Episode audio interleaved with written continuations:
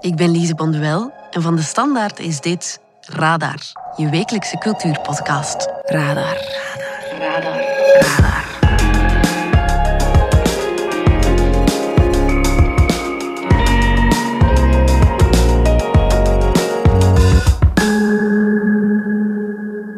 Dit deuntje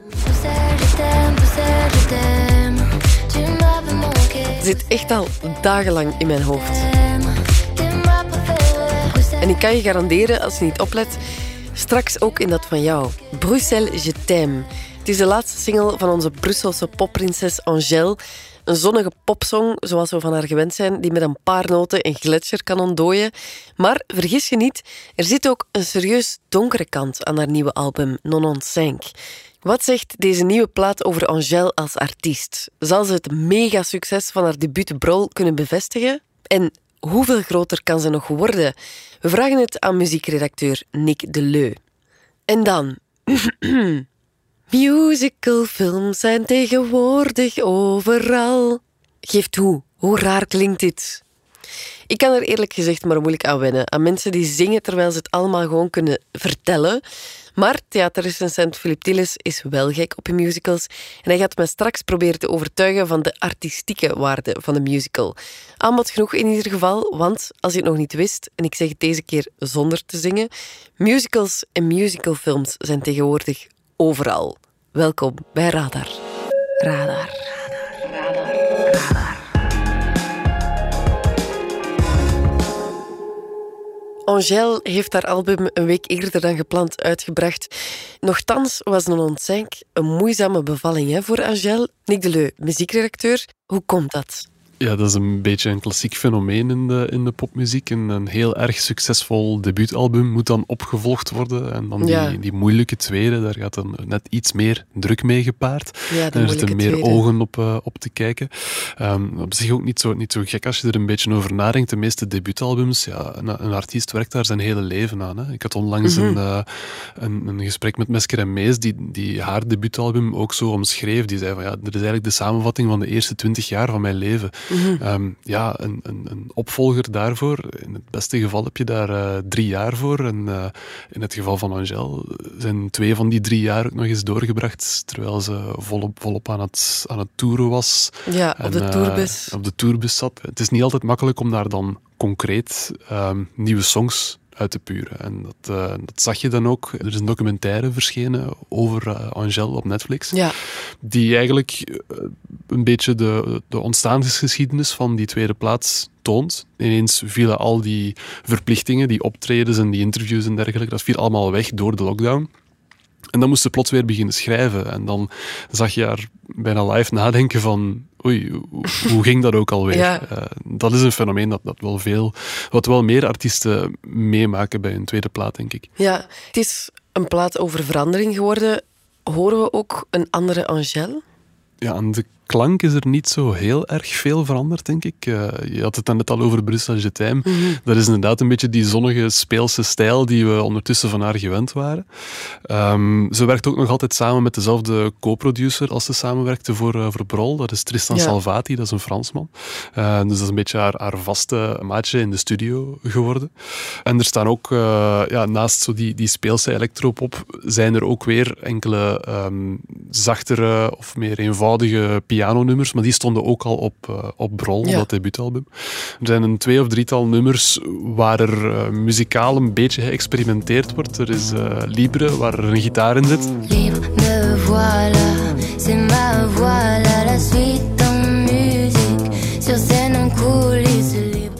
was afwezig op Brol. Dat was toen een beetje uit principe. Haar vader is, uh, is Marca, dat is uh, zelf een gitarist. En uh, deels om zich daar tegen af te zetten, had ze zich blijkbaar voorgenomen op Brol komen geen gitaren. Uh, dus dat is een beetje anders.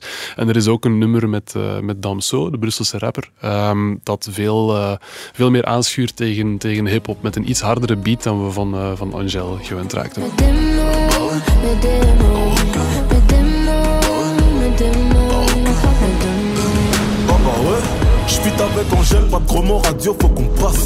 Maar dus over het algemeen ligt het wel in de lijn van haar, uh, haar vorige producties.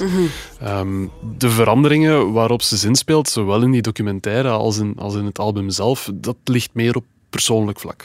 Ja.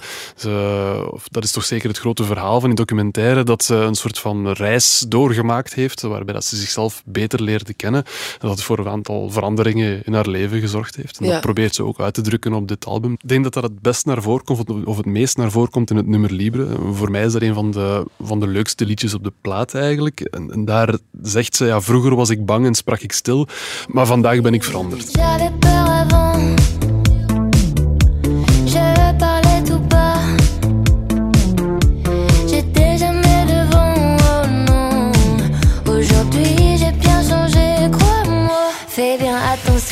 Ze wil meer opkomen voor zichzelf en zich minder aantrekken van wat dat anderen denken. Ik denk dat dat de voornaamste manier is waarop ze over verandering praat. Ja.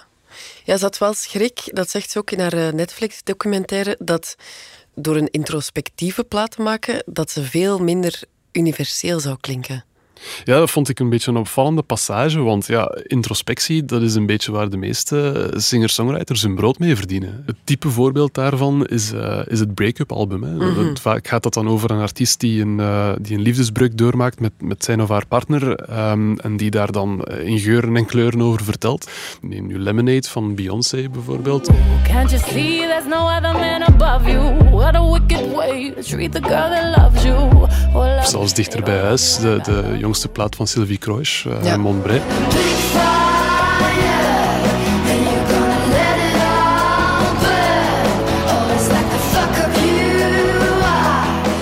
Zijn-. Het zijn twee eh, albums die, die over heel specifieke relaties gaan, met hun eigen eh, ja, kenmerken en, en, en inside-opmerkingen die enkel voor de personen binnen die relatie steek houden. Maar eigenlijk als luisteraar maakt dat niet zo heel erg veel uit. Dat geeft er kleur aan, maar waar je in herkent is in het grotere gevoel dat die, eh, dat die mensen daarin eh, ten berde brengen. Eh, nog een ander voorbeeld. Ja, je zou denken, een album over eh, de druk die bij Roem hoort, ehm, dat is zeker eh, vreemd voor de gemiddelde luisteraar. En toch zijn artiesten zoals Billie Eilish en Lord er het afgelopen jaar in geslaagd om net over dat onderwerp toch een album te maken waarbij zelfs ik als, eh, als, als jongen in, in Vlaanderen daar toch bepaalde dingen bij herken. Ehm, het gaat over, over druk voelen. En of dat dan druk voelen is van de media of van je fans of van iets anders. Of op je werk of van Ja. je vrienden. Dat is niet zo heel erg belangrijk. Het gaat over dat druk voelen op zich.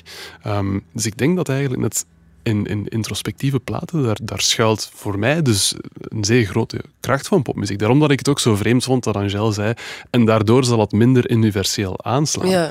Ik denk dat het voornamelijk aankomt op wat is de boodschap die je erover brengt. En dat zorgt ervoor dat het aanslaat, niet het onderwerp op zich. En vind jij dat ze daarin geslaagd is? Ja, Om- Voor mij schoot de plaat op dat vlak eigenlijk tekort. Ik vind ze zeer fijn klinken, net zoals de vorige, maar ik mis eigenlijk een beetje de, de zeggingskracht die wel bijvoorbeeld uitging van Brol. Eh, nu ja, snijdt ze wel een aantal onderwerpen aan die op zich herkenbaar zouden zijn, maar komt ze niet in mijn oren tot een, tot een concrete boodschap daarover. Neem nu solo. Solo,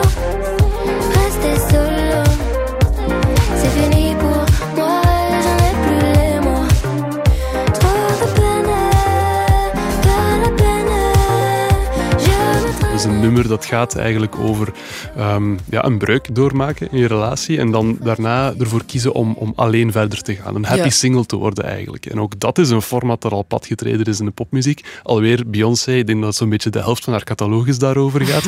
van de Single Ladies of Feeling Myself. hè. Die heeft er heel veel nummers over gemaakt, over je goed voelen daarin. En bij, bij Solo van Angèle, als je daar naar luistert, dan krijg je het gevoel dat ze het zelf eigenlijk nog niet heel erg goed weet wat ze nu precies wil. Ze zegt enerzijds wel, ik neem mij voor om vanaf nu solo te gaan. Maar anderzijds zegt ze, maar ik geloof wel nog altijd in de liefde en misschien lukt het wel nog eens. Dat is een soort van enerzijds-anderzijds effect dat minder goed werkt in popmuziek, naar mijn gevoel. En hoe wordt de plaat momenteel onthaald? Op het moment dat we deze podcast opnemen is het nog te vroeg voor cijfers. Die komen pas later uit. Het album is op streamingdiensten verschenen, maar was fysiek nog niet beschikbaar. en, uh, en, iemand als Angel die rekent ook wel echt nog wel op die, op die fysieke verkoop van vinyl en van cd's in mindere mate, maar vooral van vinyl ook. Maar hoe dan ook, op vier of vijf dagen kan je op Spotify bijvoorbeeld wel al zien dat er ongeveer een, een 800.000 mensen al naar de volledige plaat geluisterd hebben. En om dat een beetje in perspectief te plaatsen, uh, een, een artiest als Oscar the Wolf bijvoorbeeld.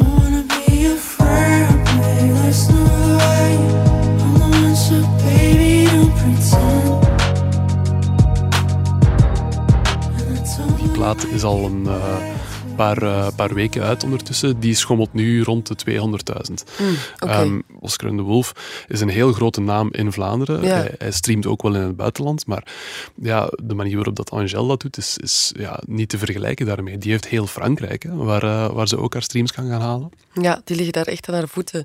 Um, op vijf jaar tijd ja, is Angel uitgegroeid van een zangeres die puur voor haar vrienden zong op Instagram tot echt een Belgische superster. Hoe groot is ze op dit moment precies? Kan je dat schetsen? Ja, ik denk als je, als je kijkt naar haar, uh, haar speellijst, dat dat op zich al, uh, al heel veel zegt. Hè. Uh, ze speelt vijf shows in Force Nationaal en eentje in het Sportpaleis. Oké, okay, dus in België is het een heel grote vis. maar vooral daar rond, meer dan twintig data in heel grote concertzalen in heel Frankrijk. en snel uitverkocht ook. En snel uitverkocht ook. Dus het is daar echt wel een van de, van de grotere namen in de popmuziek aan het worden. We zijn hier veel aan het praten over, over de Mia's en dergelijke, maar Angèle heeft in Frankrijk wel al drie uh, Victoire de la Musique gewonnen, wat daar zo'n beetje de belangrijke muziekprijzen zijn. Ja, dat is niet niks. Hè. Um, er is maar één Belg die er meer heeft dan haar, en dat is Stromae, die heeft er vijf. Mm. Um, om maar een beetje een idee te geven. En ze is ook een beetje aan het uitbreiden buiten die muziek. Ze heeft al campagnes gedaan voor Chanel bijvoorbeeld. Uh, Ja. Ze speelt nu ook in, uh, in films mee. Ze heeft onder andere een rol in de nieuwe Asterix-film en ook eentje in de musical uh, Annette. Dat is een klein rolletje, maar ze speelt er wel in mee. Dus uh, blijkbaar heeft ze ook star quality buiten de muziek. Ja, eerst was ze bekend als het zusje van uh, Romeo Elvis. Nu is het bijna andersom. Hè. Nu is hij de broer van... Hoe is zij zo snel zo groot kunnen worden? Het is eigenlijk zoals, zoals vroeger begonnen. Hè. Het is de dochter van, uh, van Marca, zoals ik al vermeld heb. Uh, is, dat is de, de zanger van de, van de groep Allee Allee, die in, in de jaren tachtig in België toch ook wel zeer populair was. En haar moeder is Laurence Bibot. Dat is een uh, behoorlijk bekende cabaretière in Ja. de Franstalige wereld. Dus eigenlijk begon het zo. Hè. Net zoals dat Romeo Elvis toen de zoon was van die twee. Ehm, daarna kwam dan het, het succes van Romeo Elvis. En Angèle, ja, die als jongste van, eh, van het gezin daar een beetje achteraan kwam. allemaal.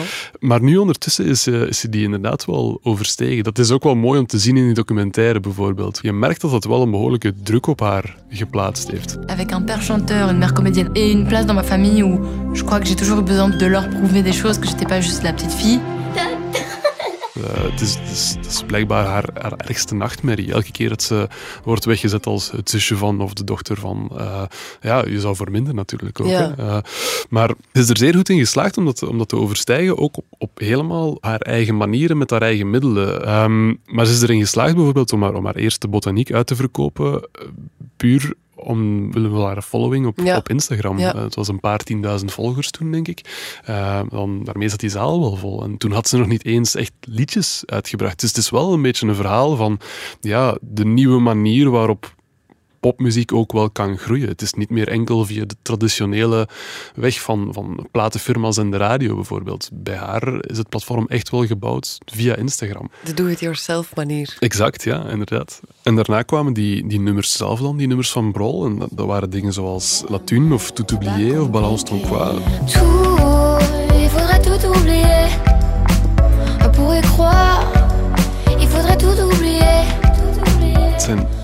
heel frisse popsongs die ook nog iets te zeggen hadden over de tijdsgeest. Zoals Ja. ik daarnet zei, het ging over FOMO bijvoorbeeld, of het ging over maatschappelijke druk.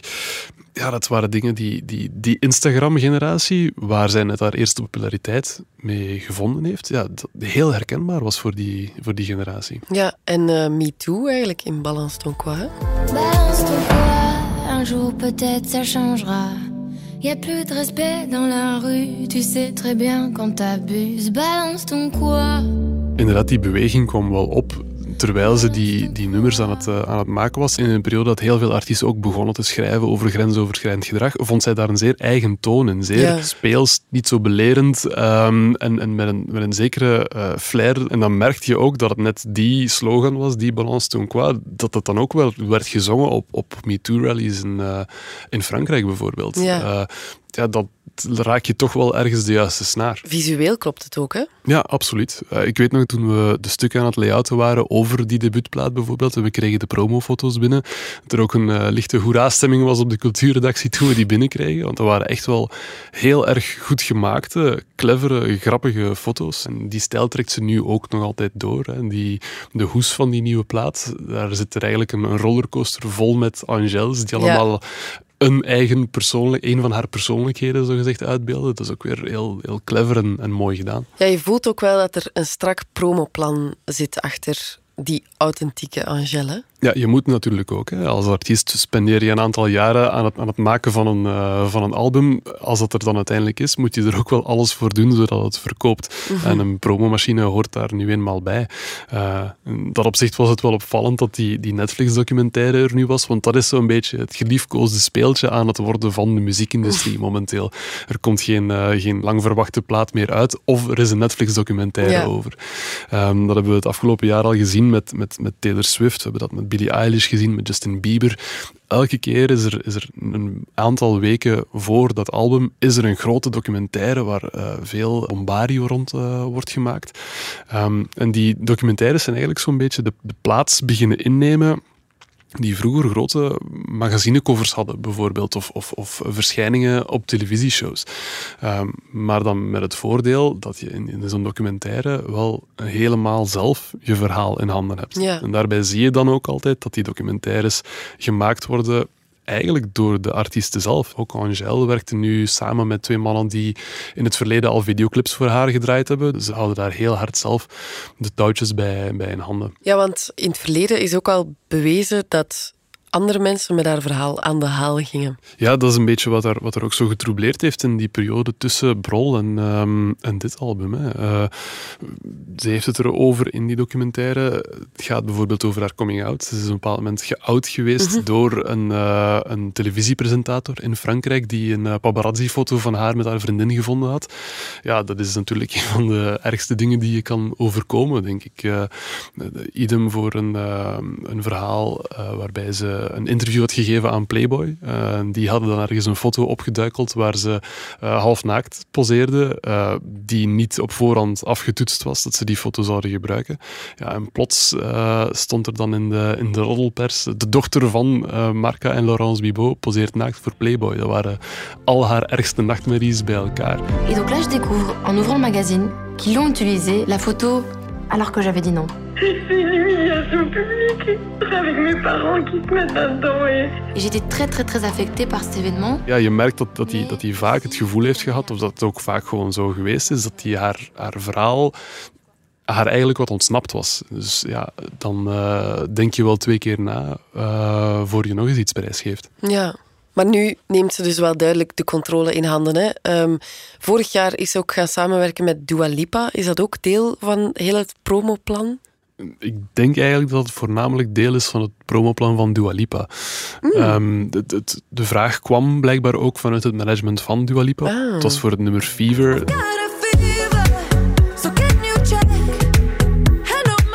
Zou verschijnen op een heruitgave van, eh, van het album van Dua Lipa. Dat speciaal eigenlijk eh, gefocust was op, op markten buiten het Verenigd Koninkrijk. Ja. En dan merkte je dat Angèle zo'n beetje moest dienen ook om, om in Europa en dan zeker in Frankrijk ja, voet aan grond te krijgen. Et pourtant, et pourtant,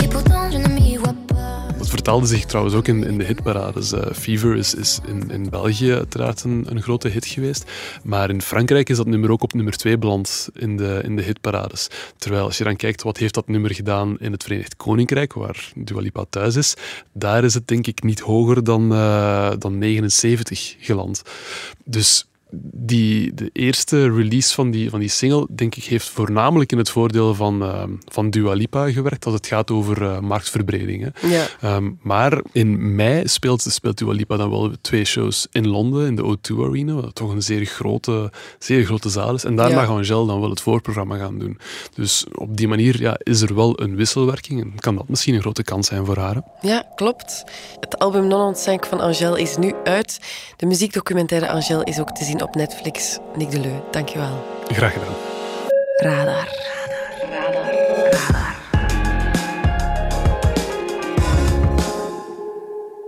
Philippe Tillens, onze theaterrecensent.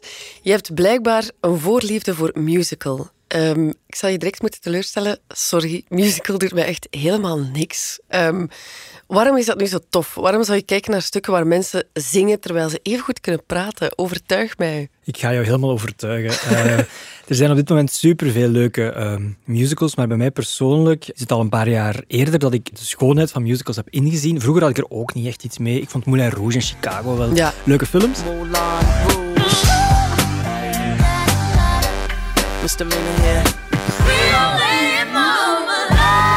Maar ehm, dan, ik dacht ook, ja, zo de, de commerciële musicals. eh.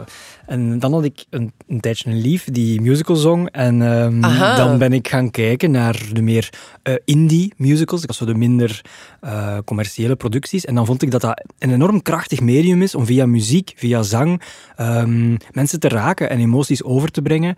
En eh, er, er gebeurt heel veel dat misschien niet zo eh, door Disney verfilmd wordt, maar wat eigenlijk heel krachtige vertelvormen zijn. Ja. Zoals Rent heb ik toen gezien, dat vind ik een supergoeie musical. En zo zijn er nog. En waarom, Rent? Dat is een rockmusical. eh, dus het gaat daar stevig in vooruit. Eh, het, het celebreert La Vie Bohème in het New York van de jaren 80, 90, op het moment dat de AIDS-epidemie er is.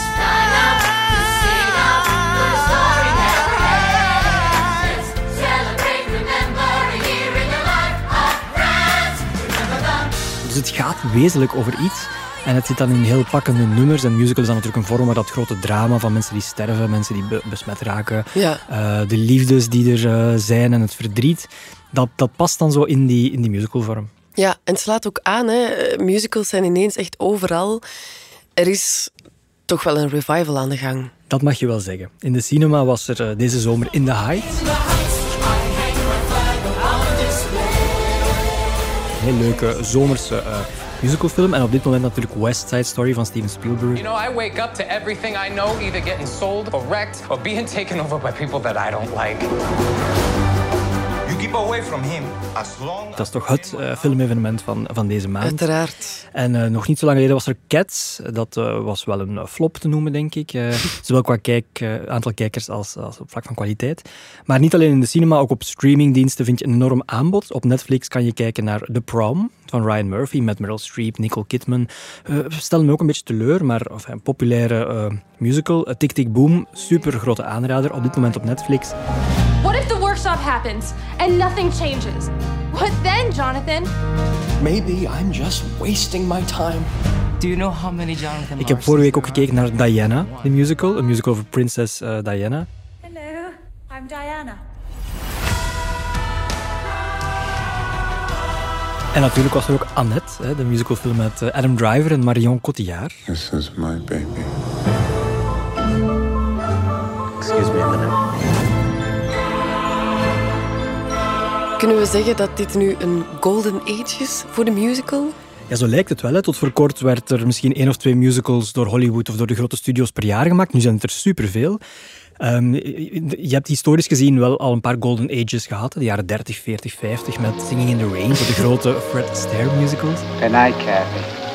See you tomorrow. Good night, darling. I'm singing in the rain. Singing in the rain. Dan ja, de jaren 70, 80, Grease, Saturday Night Fever. Dirty Dancing, de disco musicals. En misschien is er nu een soort derde golden age eh, aangebroken. En ik denk dat die West Side Story, dat gaat toch ook wel... Het is een remake, maar dat gaat wel wat in gang zetten. Ja. En waarom zijn er plots zoveel musicals? Ik denk dat La La Land heel veel heeft gedaan. Een film uit 2016 die dan uh, uiteindelijk net niet de Oscar voor beste film won. Hè. Maar um, het is wel bewezen dat uh, musicals een groot publiek kunnen raken en ook critici kunnen overtuigen. Met uh, Ryan Gosling en Emma Stone. Een soort Ja. liefdesbetuiging aan de klassieke Hollywood musical. Could never be. En dan twee jaar later was er ook A Star is Born met Lady Gaga en eh, Bradley Cooper. Dat was ook een succes, zowel aan de kassa als bij de Oscars. Tell me something, boy. Aren't you tired trying to fill that void? Ik denk dat dat wel wat in gang heeft, eh, heeft gezet. En natuurlijk, ik denk dat de tijden er ook wel naar waren. Hè. Je, je zat natuurlijk op dat moment nog met eh, Trump in Amerika, grote polarisering. In eh, Groot-Brittannië had je de brexit. Je, men voelde dat de wereld aan het verschuiven was. En ik denk zo musicals, ja, het biedt toch wat frivoliteit, wat lichtpuntjes. Eh, misschien eh, hebben producenten daarom er ook meer op eh, ingezet. Ja, om toch door, verder door ons leven te dartelen. En musicals zijn natuurlijk ook films die je bij uitstek in de cinema wil gaan kijken. Hè, met die grote, spectaculaire dans- en zangnummers. Dus daar weten studios van, daar kunnen we mensen nog mee naar de cinema lokken. En dus ook onze inkomsten een beetje Ja. vergroten. Maar ook de streamingdiensten. Hè? Waarom Ja. zetten zij in op musicals verfilmen? Iedereen is op zoek naar goede content, ook de Netflixen van deze wereld. En als ze iets kunnen verfilmen wat al enigszins een bekende naam heeft, of bekende nummers heeft, ja, dan is dat natuurlijk een voordeel. In het jargon noemt men dat intellectual property. En veel van die musicals die nu verfilmd worden, die hebben al hun strepen verdiend, bijvoorbeeld op Broadway. Dus dat is een zekere investering. En zo krijg je het fanpubliek ook geëngageerd om daar naar te kijken. En kan je iets vertellen over die band tussen eh, Broadway en Hollywood? Was die er altijd al? De eerste films, dat waren vaak theaterstukken die verfilmd zijn. Dus het is, het is een heel close link tussen het theater en, en de wereld van Hollywood. En als je kijkt wat er nu vooral op Broadway in New York te zien is, dat zijn heel vaak afgeleide musicals van bekende films. Denk aan Disney musicals zoals Frozen of The Lion King, Kinky Boots ook. Dat waren eerst films, die worden dan eh, musicals, omdat de grote eh, entertainmentbedrijven zowel eh, filmstudios hebben als theaters. En die willen natuurlijk het maximum uit hun investering Ja. halen. Maar de laatste jaren zie je terug weer de omgekeerde beweging. Zoals het eigenlijk vroeger was, dat er eerst eh, musicals, theatermusicals, eh, dat het zo ontstaat en dat het vervolgens verfilmd wordt. West Side Story is natuurlijk het goed voorbeeld. Dat was in de jaren 50 eerst een musical en daarna de bekende film. Ja. Eh, ook in The Heights, dat nu verfilmd is, eerst een musical en daarna een film. Chicago ook eerst in Broadway voor het op het witte doek kwam. Ja, en je zei het al, hè? in duistere tijden hebben we daar misschien meer nood aan, aan lichtpuntjes in de vorm van musical. Heeft corona, de pandemie, de band dan nog versterkt? Dat denk ik wel. Hè. Broadway is anderhalf jaar gesloten geweest, sinds maart eh, 2020, eh, waardoor die shows geen publiek konden bereiken. En dan krijg je dat op eh, Disney Plus eh, een stage-versie van Hamilton te zien was, de bekende musical, de rap musical eh, van Lin-Manuel Miranda. En Diana, de musical, dat nu op Netflix te zien is, dat is een productie die een week voor de lockdown, die was eigenlijk klaar. Die is nooit echt in première kunnen gaan. En dan is die gefilmd op het podium. En die versie is nu te zien op Netflix. Nog voordat, eh, ik denk afgelopen maand, de echte productie in levende lijven te zien was. Ja. Dus eh, Netflix en streamingdiensten zijn dan een manier om toch ehm, publiek te bereiken wanneer de theaters gesloten waren. Ja, en wat ook opvalt, je zou kunnen denken, musical, dat is iets, iets luchtig, iets frivol. Maar ehm, filmmusicals van nu gaan ook echt over wezenlijk diepe zaken, hè? Ja, dat mag je zeker wel zeggen. Kijk naar In the Heights, eh, de film van afgelopen zomer.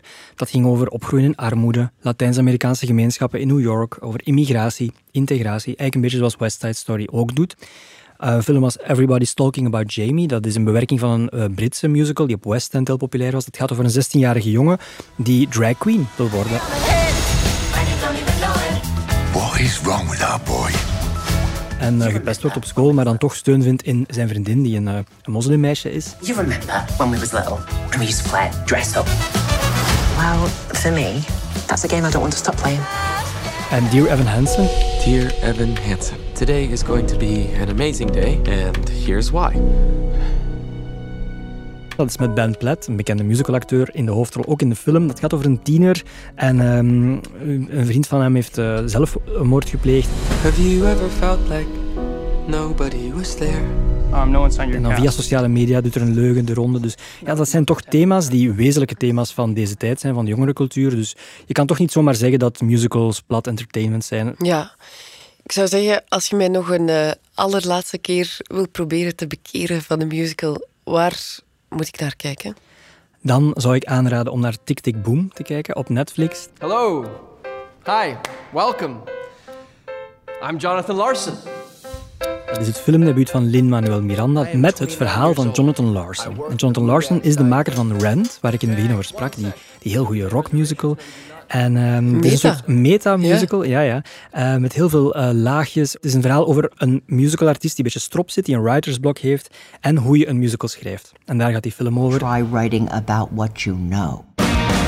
What does it take to wake up the generation? Andrew Garfield speelt die Jonathan Larson en die zingt en speelt de sterren van de hemel. Ik denk dat het ook een film is die mensen die niet van musical houden toch kan overtuigen. Eh, het is gewoon een goede film en misschien kan het ook jou overtuigen, Lisa, om van musical te houden. Wie weet draai ik nog helemaal bij. Philip Tilles, ongelooflijk bedankt. De suggestie van de chef. Bij wijze van kerstcadeau-inspiratie, maar vooral als uitstekende luistertip, heb ik nog een suggestie van onze chef cultuur van de Standaard, Philip van Ongevallen. Er hebben nu voor mij nu al mensen zitten zingen en er heeft al iemand eh, lekker zitten uitweiden. Er is mij gevraagd om vooral niet uit te wijden. Ik ga dat dan ook niet doen, maar ik heb toch wel een tip. Ik zou zeggen, luister eens naar eh, het album A Collection van Arsenal, dat nu uit is, want u weet het, kerstdag is in aantocht en dan brengen platenfirma's best-ofs van eh, groepen uit. En dit is er dus eentje van Arsenal, een band die nu al een jaar of twintig eh, meedraait en die eh, live een echte machine is. En de hoes van hun best-of is niet toevallig ook een live foto. Zo krijg je misschien wel het gevoel dat Arsenal in uw living komt spelen. Als je die plaat beluistert, valt het eigenlijk ook nog eens op hoeveel fijne liedjes eh, In die jaren heeft gemaakt. Hoeveel invloeden uit heel de wereld eh, binnenhaalden in hun universum. Met hoeveel verschillende stemmen ze hebben eh, gewerkt. Denk maar aan liedjes als eh ja, Soldade.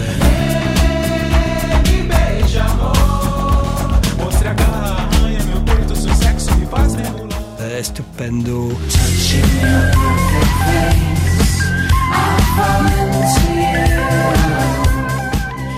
Mr. Dorman, dat al eh, een van de beste hip-hop singles was die ooit in België gemaakt zijn op het moment dat dat uitkwam. Hey, Mr. Doorman, let me into the club. I really wanna rub it down. Ehm Looddoek, ehm, ja, noem maar op. Ze hebben echt zoveel goede nummers gemaakt. En je zou dan verwachten dat ze eindigen met Melvin, zoals ze ook live altijd eindigen met Melvin. Eh, maar dit staat dus ergens eh, halverwege. Maar live eindigen ze dus met Melvin en kan het publiek zo heel hard meezingen met de OO's uit het refrein. Als de groep al lang van het podium eh, verdwenen is. En dat zou ik eigenlijk ook in mijn huiskamer nog steeds willen doen, meezingen. Maar hou je nu vooral niet in. Iedereen samen?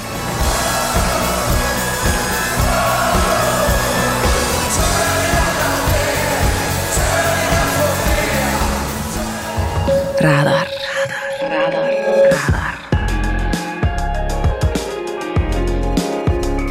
Dit was Radar, de wekelijkse cultuurpodcast van de Standaard. Bedankt voor het luisteren. Volgende week zijn we er opnieuw.